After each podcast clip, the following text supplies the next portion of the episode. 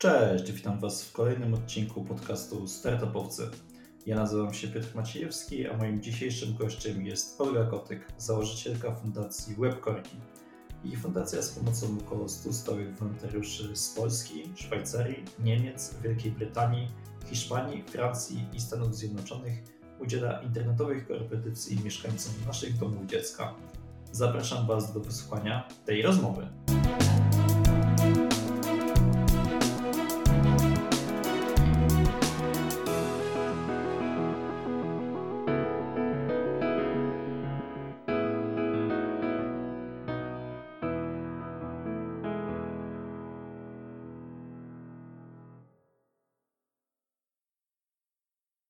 Cześć Olga, witam Cię bardzo serdecznie. Dzięki bardzo, że przyjęłaś zaproszenie tutaj do mnie do podcastu. Hejka, cześć. Też bardzo dziękuję za zaproszenie. Bardzo mi miło. E, powiedz, jak wyglądały w ogóle początki tej inicjatywy i samej fundacji e, WebCorki? No bo jak wcześniej trochę tutaj poza naszym nagraniem wspomniałaś, e, zaczynałaś od inicjatywy zwolnionych story. Skąd w ogóle taka decyzja, żeby, żeby ten projekt podpiąć pod, pod tą olimpiadę? Mhm. To jest generalnie cały proces. E, działalność społeczna to jest gdzieś tam e, moja przygoda, która rozpoczęła się bardzo dawno. W sumie miałam 14 lat, gdy rozpoczęłam moją e, działalność społeczną. Wtedy pracowałam w domu seniora. Potem na studiach w organizacji ISEC, którą też dobrze znasz, tam organizowałam dni kariery, targi dla studentów i absolwentów. No i właśnie e, potem wyleciałam na wolontariat na Sri Lankę, gdzie spełniłam swoje duże marzenie właśnie o takiej misji zagranicznej.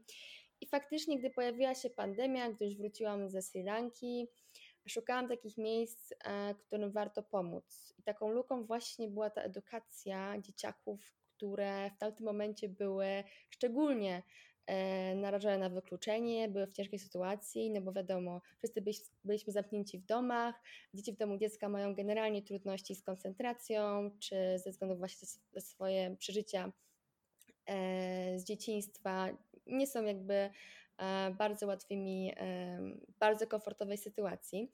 Także stwierdziłam, że muszę właśnie im pomóc, właśnie tym dzieciom, a że miałam już pomysł w głowie, miałam e, wszystko opracowane, jak to wszystko zorganizować. Szukałam właśnie takiego miejsca, w którym mogę mm, że tak powiem, zrealizować taki projekt społeczny. No i właśnie taką organizacją były, były, byli zwolnieni z teorii. Mm, bo też wiedziałam, że placówki opiekuńczo-wychowawcze to jest taki obszar, do którego ciężko jest dotrzeć jako osoba, jako osoba prywatna, więc ja jako zwykła studentka, która po prostu się odezwie do placówek, nie mam niemal, niemal szansy, żeby w ogóle tam być dopuszczoną do współpracy. A dlatego też stwierdziłam, że ten projekt społeczny, miałam tego projektu społecznego, da mi tą możliwość. E, no i właśnie szukałam możliwości, pojawili się zwolnieni z teorii, znalazłam ich w internecie i tak właśnie zaczęła moja, moja przygoda, ale jakby jak już startowałam z tego pułapu projektu, to wiedziałam, że to jest taki e, taki start, taka trampolina, a później będę kontynuowała już jako fundacja czy jako stowarzyszenie, jakaś forma po prostu sformalizowana. Mhm. Okej, okay, czyli od początku tak naprawdę właśnie miałeś taką wizję długofalowego działania, a nie, e, nie, jednorazowej, nie jednorazowej akcji. E, wspominam o tym właśnie, że, że to jest, znaczy, no, jest to bardzo e, jakby fajna wizja od początku taka, bo duża część projektów ze zwolnionych story gdzieś robi jednorazową akcję, natomiast niewiele jest kontynuowanych, więc to bardzo fajne, że od początku miałeś taką wizję, więc no, gratulacje, że też Ci się to rozszerzyło. Dzięki wielkie, bardzo się starałam. Okej. Okay.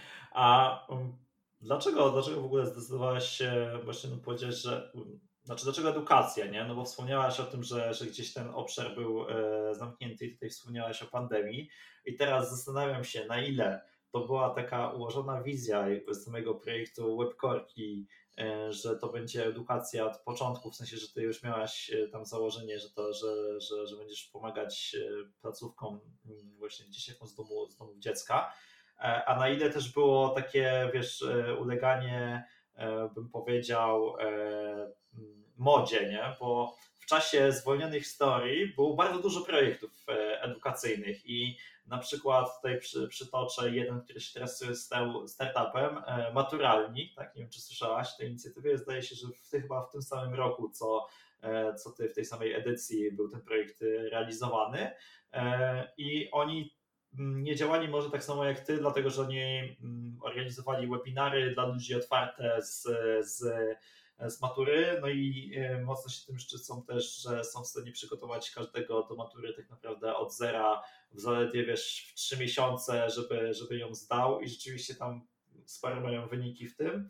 No i w tej chwili robią takiego, jak to sobie nazywają, maturalnego Netflixa, więc zastanawiam się, na ile ty poszłaś w tą stronę, po prostu widząc, że wiesz, to nie jest zarzut, nie? Modzie takiej, że o wszyscy edukacja, na ile to było takie przemyślane działanie od początku, że będziesz się zajmować edukacją? Mhm. E, tutaj, jeżeli chodzi o to pytanie, to powiem może w e, kilku etapach. Po pierwsze, dlaczego edukacja z mojej perspektywy? Dlatego, że gdzieś tam ja sama nigdy do końca się nie odnajdywałam w szkole. E, ja sama zawsze miałam problemy w odnalezieniu się w, w tej sytuacji szkolnej, w tym, żeby mieć dobre oceny mimo starań, tym, żeby się skupić na lekcji. E, zawsze nie pasowało mi to, ile mamy zadawane do domu, że nie ma tej indywidualizacji. Oczywiście w szkole to jest trudne przez dużą grupę dzieci, ale mm, nie ukrywam, że ze szkołą mam same raczej złe wspomnienia. A jeżeli chodzi o to, dlaczego e, ten projekt, to właśnie gdzieś tam na pewno e, w moim sercu leżało, leżała ta sytuacja, ale mm, to jest ciekawe, że tak to zaobserwowałeś, bo właśnie ja bardzo mocno podkreślam, że za tą modą bardzo nie podążam, e, bo faktycznie taka moda wśród działalności społecznej jest.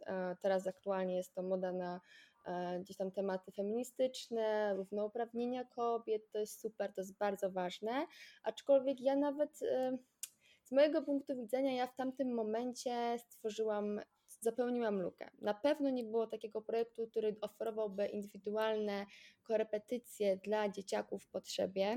Tutaj też to jest takie całe jakby opracowane know-how, bo tutaj każdy korepetytor przydzielane do ucznia indywidualnie. Tutaj nie ma na taką skalę, jak faktycznie, faktycznie tak było, że były jakieś takie projekty, które właśnie gdzieś tam skupiały się na webinarach, zorganizowaniu szkoleń dla dużej grupy odbiorców.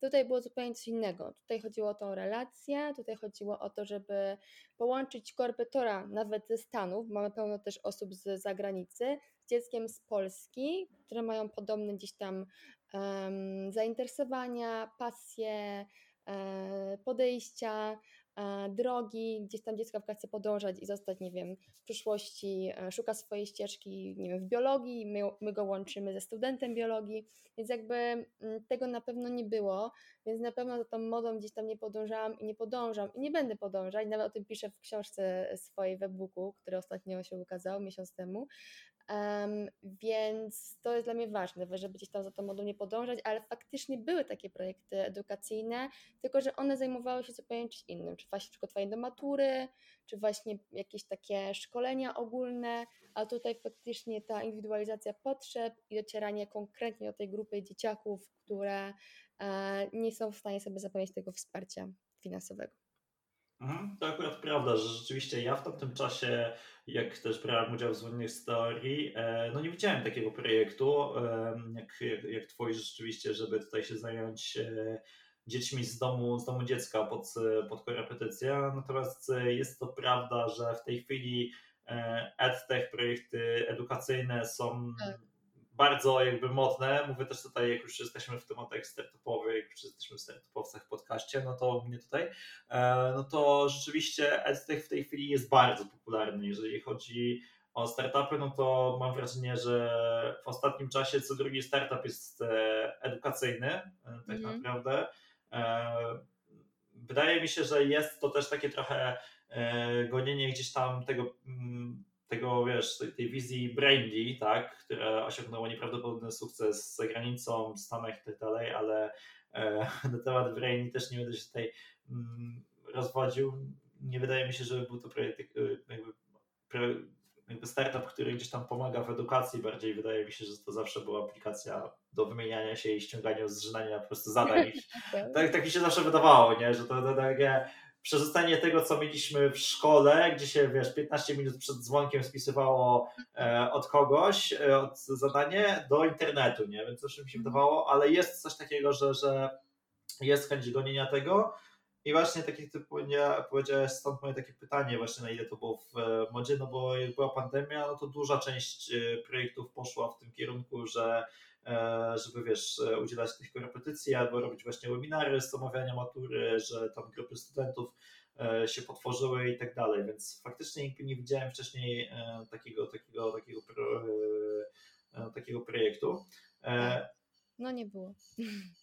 Okej, okay. a powiedz w jaki sposób tak naprawdę, no bo tutaj wspomniałaś o tym, że wy mm, łączycie te dzieci z osobami, które mają podobne zainteresowania i na przykład ktoś chce studiować u was nie wiem, jakieś dziecko czy, czy 14-latek medycynę, to tak naprawdę to, o czym wspomniałaś, to już nie są tylko korepetycje, ale też trochę taki mentoring, bym powiedział, nie? że ten u Was wolontariusz e, może nawet e, wspomóc, e, jakby wy, wymieniając się doświadczeniami na korepetycji, czy to będzie kierunek dobry dla tej, dla tej osoby. A jak Wy dobieracie samego korepetytora, żeby on pasował do, do, do, tej, do tego dziecka na przykład?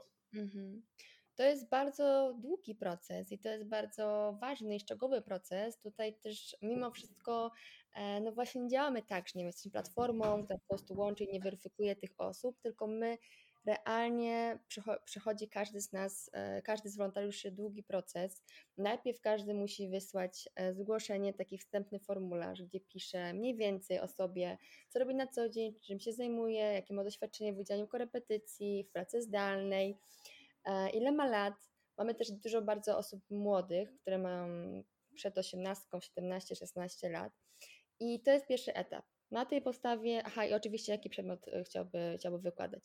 Na tej podstawie wstępną weryfikację robimy i kierujemy dalej na rozmowę kwalifikacyjną, Taka rozmowa trwa około godziny. E, podczas tej rozmowy właśnie poruszamy, generalnie przedstawiamy nasze dzieciaki, pokazujemy jakie one są, z czym trzeba się e, mierzyć, e, nastawić, nastawiamy tak naprawdę na czasami na najgorsze, żeby tylko do nas trafiały osoby, które są po prostu pewne tego, z czym będą się mierzyć i z jakim dzieci będą pracowały. Um, I bardzo długo też generalnie mówimy o naszej fundacji, o tym, czym się zajmuje, co robi, jakie są nasze wewnętrzne gdzieś tam procesy, których trzeba przestrzegać. Mm, I po takiej rozmowie e, wolontariusz jest przydzielany do dziecka. My też z drugiej strony, ze strony placówek, mamy całą listę dzieci, również ich e, oczekiwań, mm, ich przedmiotów, trudności, czy wolą się uczyć ze słuchu, czy, z, czy są wzrokowcami czym się interesują, czy na coś chorują, czy na przykład chcą mieć e, lekcje z jakąś daną płcią, na przykład, nie wiem, mają jakąś traumę na przykład związaną z kobietami. Dlatego też e, na tej właśnie podstawie wybierani są, dopasowani są wolontariusze do dzieciaków. Aczkolwiek bardzo rzadko tak się zdarza, żeby dziecko wiedziało już, co chce robić w przyszłości. Te dzieci generalnie raczej mają problem z tym, że e, żeby wierzyć w swoje możliwości.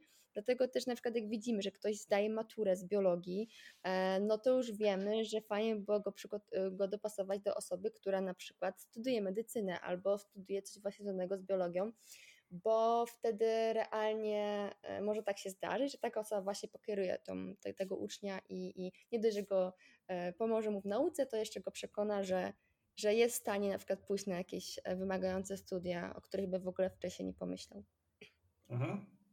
Okej, okay, no teraz już masz tak naprawdę rozbudowaną organizację, no bo jeżeli mówisz o, o tym, że, że robicie taką weryfikację, więc zakładam, że tutaj musi być sztab ludzi, którzy, którzy się tym zajmują. Korepetytorów też masz e, pewnie, pewnie multum, pewnie dużo osób e, przy, przy twojej, w Twojej fundacji działa. E, kiedy Ty poczułaś tak naprawdę, że, że to już nie będzie tylko projekt to właśnie wspomniałaś e, o tym właśnie, że miałaś tą, tą, tą wizję, ale kiedy już wiedziałaś, że, że będziesz budować coś na taką skalę tak naprawdę, taką dużą, że, że będziesz pomagać tylu placówkom. Mm-hmm. Ta świadomość od początku była duża, że buduję coś dużego, aczkolwiek e, to było tak. Tworzyłam tego projektu w zespole, to nie było tak, że byliśmy, nie wiem, grupą znajomych, którzy to tworzyli. Ja wystartowałam sama, mając jedynie moją siostrę, która pomagała e, mi pisząc, robiąc grafiki na social media. Więc tak naprawdę ja od początku wiedziałam, że mm, jakby wszystko muszę stworzyć sama od początku do końca i e, ten projekt tworzę no niemal sama. Oczywiście siostra pomagała mi faktycznie marketingowo, a ja gdzieś tam operacyjnie wszystko ogarniałam.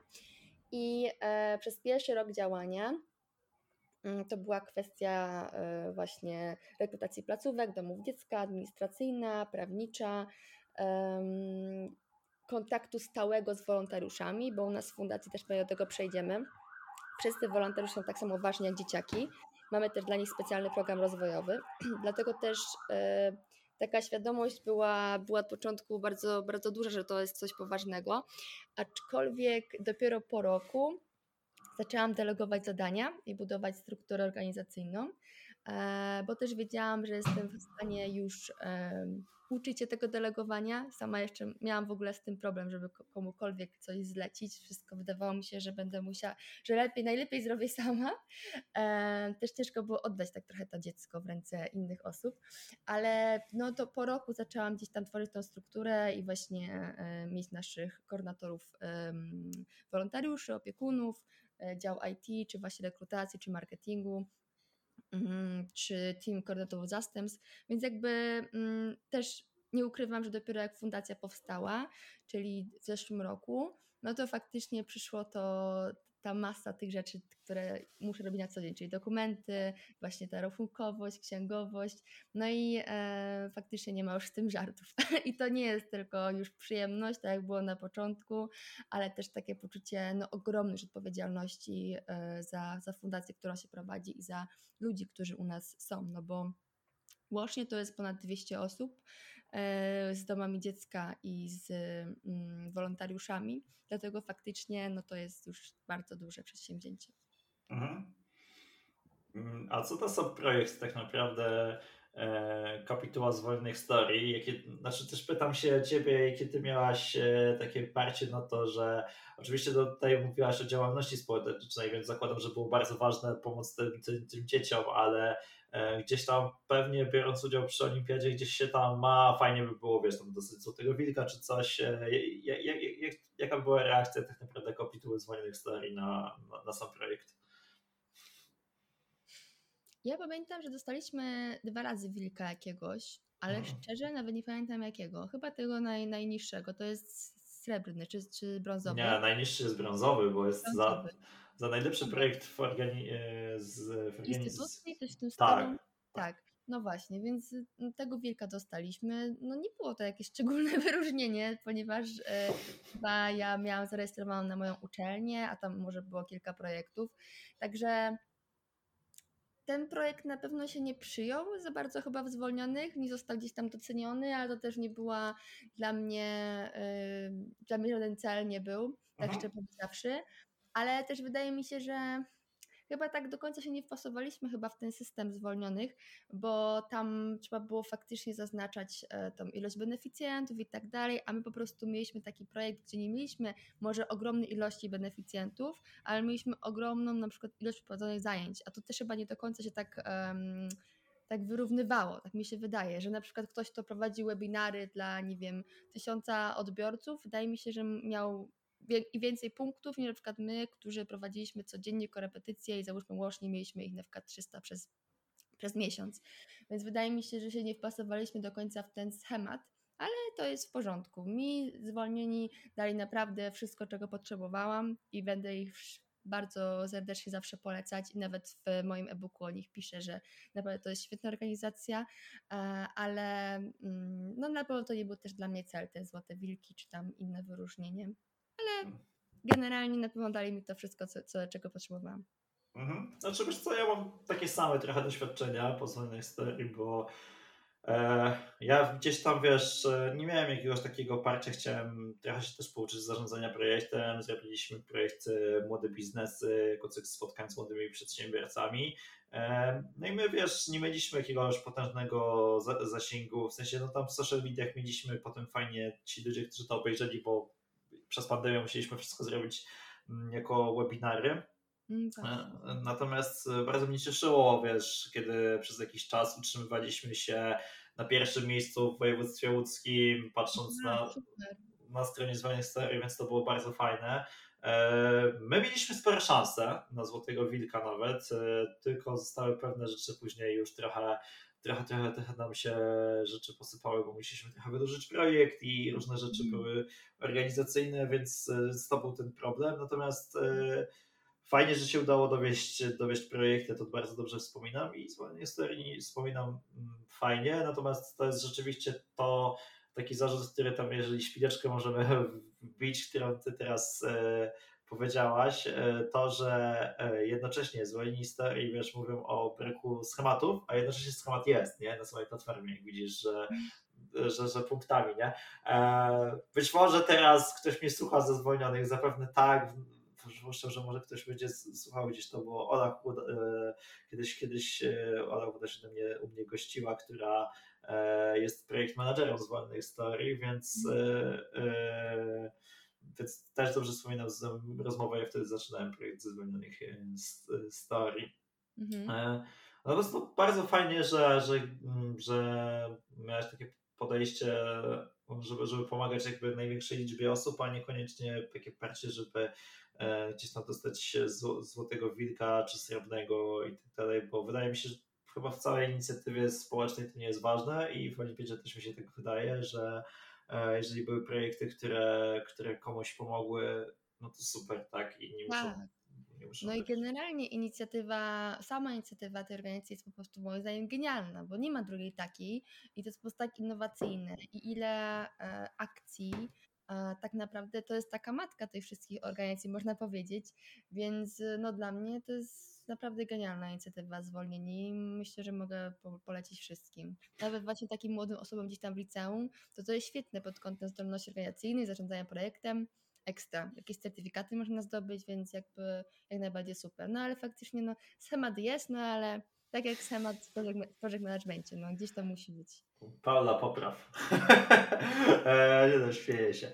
E, nie no, to akurat, e, akurat ja też dobrze wspominam z serii i też polecam absolutnie każdemu, bo, e, bo to jest super wydarzenie, super jakby inicjatywa sama i, e, i możliwość współpracy z takimi firmami jak, nie wiem, BNP Paribas, z którym ja miałem współpracę, tak.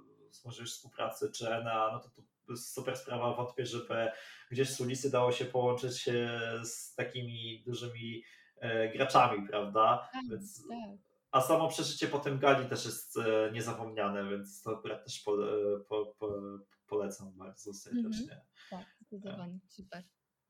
Domyślam się, że przy 200 osobach, to sama wspomniałaś, że to już jest takie duże przedsięwzięcie i masz oczywiście wolontariuszy, no ale zakładam, że jakieś koszty prowadzenia tej działalności są. Co z finansami? Bo to chyba teraz e, taki największy palący problem z tego, co gdzieś tam się udało mi też wyczytać, przygotowując się do naszej, do naszej rozmowy. Z czego finansujesz fundację tak naprawdę w tej chwili? No to jest nie, no to jest po prostu bardzo ciężki temat dla mnie. E, powiem szczerze, że przez to, że jakby wszystkiego uczę się sama i też nie jestem zwolenniczką tego, żeby komuś na przykład zlecić ogarnianie finansów fundacji jeszcze na tym etapie, bo chciałabym wszystko sama dobrze zrozumieć, jak to wszystko działa i się tym mm, zająć, albo chociaż jak komu, kogoś poproszę o pomoc, to rozumieć, jak to wszystkie granty na przykład funkcjonują, jak to, jak to wszystko, jak te mechanizmy finansowania organizacji działają, a aktualnie to, to bardzo przestrzeni nie ma. Um, więc finansowanie to jest ciężka sprawa. Ja, ja finansuję organizację tak naprawdę od samego początku z własnej oszczędności um, studenckich, więc na to już poszło naprawdę troszeczkę, trochę duże sumy. E, też pomaga mi na początku, pomogła mi moja mama, jeżeli chodzi o fundusz założycielski dla fundacji, tam mieliśmy 2000 zł, um, więc finansuję ze swojej własnej oszczędności, aczkolwiek no to już jest teraz na tą skalę całkiem ciężkie, ale my też jesteśmy taką fundacją, która nie ma mm, gdzieś tam takiego konkretnego celu, na przykład y, nie miała jak dotąd dużego finansowego, na przykład nie wiem, nie kupujemy dla dzieci prezentów, nie kupujemy dla nich, nie wiem, leków i tak dalej, tylko generalnie jeżeli ktoś nas chce wspierać, to wspiera cały system działania organizacji. Czyli po prostu ja mogę wysłać dokumenty, mogę opłacić księgowość, mogę opłacić poradę prawną, um, mogę wykupić serwer i tak dalej. Więc jakby jeżeli chodzi o to, o to finansowanie, no to też od pewnego czasu mamy Patronite'a. On nie, się, nie cieszy się jakimś super powodzeniem. Mamy chyba tam 300 zł miesięcznie, chociaż zawsze to jest coś. E, no i jedyne, jakie środki mamy, no to właśnie z darowizn prywatnych też od pewnego czasu. To też nie są duże kwoty, ale ale na pewno, na pewno też no, będę myślała nad współpracami, nad współpracami z, z firmami. No i źle myślałam, myślę o tym i już działam bardzo dużo w tym kierunku, aczkolwiek no, nie ma zainteresowania za bardzo e, pod kątem wsparcia fundacji. Wydaje mi się, że to też kwestia właśnie tego wpasowania się może w modę. Jak widzę e, firmy, które odrzucały nasze propozycje współpracy, to są firmy, które właśnie gdzieś tam w mediach e, pokazują na przykład wsparcie dla osób LGBT+, czy właśnie E, kobiet na rynku pracy, równouprawnień, no to są takie gorące tematy. My tym tematem nie jesteśmy, za modą właśnie nie podążamy i wydaje mi się, że jest ciężej zdobyć jakiekolwiek wsparcie firmy w tym zakresie. No ale mam nadzieję, że to się zmieni, zwłaszcza, że bardzo mamy duży projekt. E, w czerwcu marzy nam się zorganizować właśnie galę dla naszych dzieciaków kończącą nasz rok szkolny, ale to będzie wydarzenie na ponad 200 osób E, więc na pewno finansowanie tutaj jest bardzo potrzebne w, dużym, w dużej skali i mam nadzieję, że się uda uzyskać sponsorów. Mhm. Co zastanawiam się, e, tak jak ty wspomniałaś, czy to jest, na ile to jest, e, jakby nie krytykuję, wiesz, gdzieś twojego jakiegoś błędu czy coś, no bo mhm. nie wiem, nie wiem jak, jak jak to wygląda to pozyskiwanie. Natomiast e, nie wiem, czy, czy znasz, może słyszałaś, bo to jest dość nośna osoba e, w tej chwili, 16 e, lat, Kira Suchobojczenka, tak? Nie wiem, czy kojarzysz. Tak, czy... jasne, Ko kojarzę, no, kojarzę. No, oczywiście, że tak, no to, to widzisz, Kira też u mnie gościła jakiś czas temu. I na przykład, wiesz, Flying Back jakoś to finansowanie sobie załatwia, nie? Jakby skontaktował się z fundacją, wiesz, Ben chyba możesz spróbować też uderzyć do do innych, innych fundacji, z tak Ci teraz doradzam, ale takich wiesz, e, fundacji firm, nie? bo to też jest dobre. Wiem o tym, że Impost ma swoją fundację, Ben Paperiba ma swoją fundację, która gdzieś gdzieś chyba też edukacyjne projekty wspiera z tego co pamiętam, więc można tam e, próbować. Więc, więc możesz, możesz w ten sposób e, w ten sposób próbować, więc Zastanawiam się właśnie na ile to wiesz, rzeczywiście jest e, moda, no bo Kira też gdzieś tam oni też działali teraz wolontariacko, wiesz, oprowadzali ludzi z Ukrainy, masę inicjatyw przeprowadzili e, takich, e, no i jak Kira zaczynała, no to to nie było na taką skalę, nie? Teraz i to się rozwinęło rzeczywiście do, e, do fundacji, wiesz, teraz było, był 15 października i robiona konferencja w Warsaw e, Spire, nie? Więc tam też musiały być jakieś tam finanse, więc zastanawiam się, wiesz, na ile rzeczywiście te odrzucenia firmy są E, przez, przez modę, e, a na ile być może po prostu firmy nie są zainteresowane aż taką wsparciem e, finansowym jakby z samej inicjatywy, bo może rzeczywiście im się to nie opłaca wizerunkowo, tak, tak się zastanawiam, gdzie jest problem, nie? Mm. Mogę Ci powiedzieć, że do tych film, które wymieniłeś się odzywam. Tak? O. Oczywiście tak, tak, jak najbardziej tak. A jeżeli chodzi o Kirę, to ja bardzo podziwiam. Naprawdę jestem jej, e, można powiedzieć, ogromną fanką i przy niej, szczerze powiedziawszy, czuję się strasznie staro. E, mimo tego, że mam 24 lata, dopiero to skończone, bo miałam 16 października urodziny, czyli 3 dni, te, 4 dni temu. E, i wydawało mi się zawsze, że jestem taką młodą osobą, która tak prężnie działa, ale właśnie jak widzę działania Kiry, która ma ile lat? 16? 16, po teraz 17 wydaje mi się, że chyba teraz kończy się. naprawdę, naprawdę ja czuję, że nie ma za mną miejsca, nie będzie już. że już jestem wrzucona, że już będę za stara na działania i na wsparcie. Nie wiem, no to jest niesamowite, że, że tak w młodym wieku dziewczyna e, robi tak niesamowite działania i ma tak realny wpływ na inne dzieciaki. Dlatego mam nadzieję, że znaczy jestem pewna, że jest dużo dzieci, przepraszam tak, Jezu, przepraszam, młodych osób, które tak jak ona działają i trzymam kciuki, żeby było również zauważone i również, żeby dostrzymały wsparcie, bo na milion procent są też takie osoby w Polsce, tylko po prostu jeszcze nie, nie, jakby nie otrzymały gdzieś tam wsparcia i, i nie zostały zauważone i mam nadzieję, że znajdzie też się miejsce dla takich osób, bo mhm. jest pewna, że po prostu jest ich więcej. Mhm. E, tak, no tych inicjatyw teraz młodzieżowych jest e, sporo. Ja też podziwiam na przykład, e, na pewno znasz, bo przecież e, publikowaliście, po, publikowaliście posta teraz o Think Crunchu na przykład. To też jest wspaniała inicjatywa, którą też popieram bardzo. Więc... Tak, tak, napisali właśnie do nas z prośbą. Super, super. Nie znałam wcześniej, ale naprawdę bardzo fajna inicjatywa, super akcja. Tak, to też jest, jest, jest fajne, że, że rzeczywiście młodzieży się teraz, teraz chce. No, fajnie, że, że powstają takie inicjatywy oddolne przez, przez młodzież robione. Mhm. Powiedz, jakie plany masz e, za trzy lata? Gdzie ty widzisz fundację, gdzie widzisz yy, siebie? Bo gdzieś tam rozumiem, że fundacja jest twoim takim dzieckiem i rozumiem, że yy, no fajnie, właśnie mówiła, wspomniałaś o tym, że nie macie takich rzeczy, że, że kupujecie jakieś prezenty dla dzieci czy, yy, czy coś w tym stylu, natomiast gdzieś pewnie, o ile masz wolontariuszy i masz grupę wolontariuszy, czyli no, że oni po prostu nie dostają za to pieniędzy, no to e, na ile, na jakby, jeżeli pójdziesz w full time prowadzenie fundacji, e, czy, czy cały twój inny zespół, który gdzieś tam zarządza, na ile, na ile będziesz w stanie z tego funkcjonować teraz i gdzie ty widzisz fundację i siebie za 3 lata? Na 100% um, chciałabym cały czas fundację rozwijać. Nie myślę o tym, że to jest jakiś moment przejściowy i nie wiem, na przykład skończę studia i, i będzie koniec webkorków. Na pewno cały czas widzę siebie, e, która fundację rozwija, która obejmuje wsparciem większą grupę dzieciaków, e, która ma jeszcze więcej wolontariuszy, rozwija ich programy rozwojowe. Więc na pewno ten rozwój fundacji dla mnie jest bardzo ważny, ale pod kątem finansowym na ten moment nie widzę chyba szansy i perspektyw, żebyśmy byli w stanie czerpać z tego korzyści finansowe. To też jest u nas tak w fundacji, że ja jestem jedną osobą zarejestrowaną w, w KRS-ie. Jestem fundatorem i prezesem fundacji e, i nawet dla siebie nie widzę szansy gdzieś tam e, tej finansowej w perspektywie czasu na, na chwilę obecną, ale marzy mi się założyć um, przedszkole lub szkołę prywatną, która byłaby powołana przez fundację, e, która byłaby też gdzieś tam e, stworzona właśnie z serca, e, właśnie z tej indywidualizacji potrzeb dzieciaków. Więc na pewno za kilka lat, no na pewno teraz tak mówię, ale po prostu bardzo mi się marzy takie miejsce stworzyć, w którym po prostu wszystkie, wszystkie dzieciaki będą się czuły nie tak jak ja w szkole.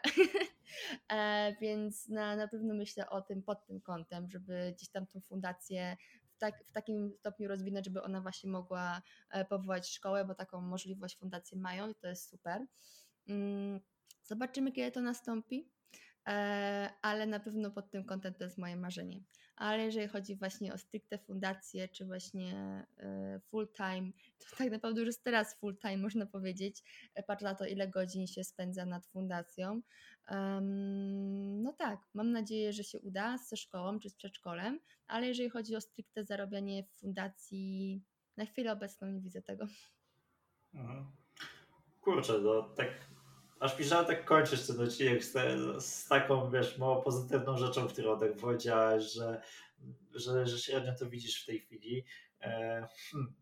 Nie, czy ja wiem, że to jest takie negatywne. Wiesz, cała fundacja powstała właśnie po to, żeby pomagać im i to z potrzeby serca. I e, póki ja sama mam z tego ogromną frajdę i e, póki nie jestem wypalona i mimo tego, ile nad tym się spędza godzin, czasu, e, czasami e, płaczu przez to, jak trzeba wszystko pogodzić, e, studia, pracę, fundacje, e, studia dzienne, pracę, fundacje, to, to i tak jest ok, uważam, to jest super. I no i fundacja od początku nie była miejscem, które zakładałam po to, żeby um, zarabiać pieniądze, więc ja uważam, że wszystko jest ok. Jest, dzieje się tak jak, się tak, jak się miało dziać. Jeżeli kiedyś będzie szansa um, zatrudnienia się we własnej fundacji, to faktycznie byłoby rewelacyjnie. Aczkolwiek e, nie jest to na pewno coś, co dla mnie było zawsze najważniejsze i priorytetem. Jeżeli by się to udało, to by było świetnie. Uważam, mm. że naprawdę nieskromnie mówiąc, robię tak samo dobrą robotę, nawet może i lepszą niż, niż prezes w korporacji, um, ale na chwilę obecną nie widzę na to przestrzeni. Ale nie wiem, czy nie zapytałeś mi w sumie o to, ale mogę dodać, bo to jest dla nas bardzo ważne, że u nas w fundacji to, co w sumie nas wyróżnia od e, innych organizacji, może też powiesz mi, czy takie organizacje znasz, e, które mają osobne, odrębne programy dla swoich wolontariuszy wewnętrzne. Bo u nas jest tak, że w fundacji jakby każdy wolontariusz, i to nie jest takie marketingowe jakieś ściema, tylko tak faktycznie realnie jest, jest beneficjentem tej fundacji równolegle. Wszyscy, kto, kto jakby do nas przychodzą wolontariusze, mają zapewniony tak zwany program rozwojowy. To są trzy formy wsparcia. Pierwsze wsparcie to są e, indywidualne rozmowy z psychologiem dziecięcym, Drugie wsparcie to są warsztaty e, online raz w, raz w miesiącu z naszą też psycholożką jeszcze jedną. I trzecie wsparcie to są e, szkolenia ogólnorozwojowe. Na przykład teraz mieliśmy w Poznaniu weekendowe, usunięcie project managementu, zarządzają stresem, mapa marzeń i tak dalej. Wszystko po to właśnie, żeby ci wolontariusze czuli się dobrze, czuli się zaopiekowani, czuli się po prostu komfortowo w tej fundacji. Jeżeli mieli takie, żeby mieli takie właśnie poczucie, że są częścią tej fundacji, a nie tylko gdzieś tam takim po prostu rzuconym e, wolontariuszem na głęboką wodę i pracę z tym, z tym dzieckiem. Więc jestem ciekawa, czy znasz takie organizacje, które faktycznie organizują coś dobrego, ale jeszcze wolontariusze są również beneficjentami w tej fundacji. Czy miałeś takie rozmowy? Bo na pewno no, wiele osób, e, z którymi rozmawiałeś, prowadzą jakieś organizacje. Mhm. No, jak to u Ciebie wygląda z doświadczenia? Wiesz co, nie, nie słyszałem o tym, że, że zazwyczaj, wiesz co, tak jak ja też działałem społecznie, to zazwyczaj nie było aż takiego, aż takiego wsparcia, nie? Że, że, że coś no tam dostawaliśmy. E, tak, no to jest jakby fajny wyróżnik, nie? Jakby ja bardziej nie chodziło mi o to, pytając ciebie o finanse i tak dalej, nie chodziło mi o to, że stwórzmy fundację i będziemy zarabiać pieniądze, bo to, bo to gdyby był taki cel, to sobie lepiej stworzyć firmę i wymyślić tak, e, jakieś, tak. jakieś działanie, e, e, które gdzieś tam będzie dało się monetyzować. E, natomiast po prostu zastanawiałem się pod tym kątem, no wiesz, full time, tak? I gdzieś z czegoś jeszcze trzeba żyć. I jeżeli się poświęca, wiesz, e, na to cały, cały swój czas, całą swoją energię, no to fajnie by było, wiesz, e, móc, móc też gdzieś zarabiać ten, na zasadzie tej swojej działalności takiej zawodowej na swoje życie, nie? Bo tutaj wspomnieliśmy z wolnych starii, więc wspomniałem, wspomnę też sobie na przykład Pawle czy, czy Marcina Bryszewskiego, nie? No to oni przecież, Paula z Marcinem są małżeństwem, to nie jest tajemnica, więc oni, wiesz, e, wszyscy, cały zarząd z tego żyje, nie? Jakby z, to jest super. Ze zwolnionych, nie? Inna sprawa, że oni mają świetnego też deal managera, jakby pozdrawiam Tomka, i który, który jakby zawiązuje tę współpracę z e, ING i z innymi, e, z innymi firmami. Olga, bardzo dziękuję za rozmowę. Dzięki wielkie, że podzieliłaś się swoją historią i tymi wspaniałymi doświadczeniami i dziękuję bardzo za to, co robisz w swojej fundacji i że tyle dzieci E, z domów dziecka nie są same w edukacji. Dzięki wielkie. Bardzo, bardzo dziękuję, że mogliśmy o tym porozmawiać i znaleźć dla mnie czas. Dziękuję.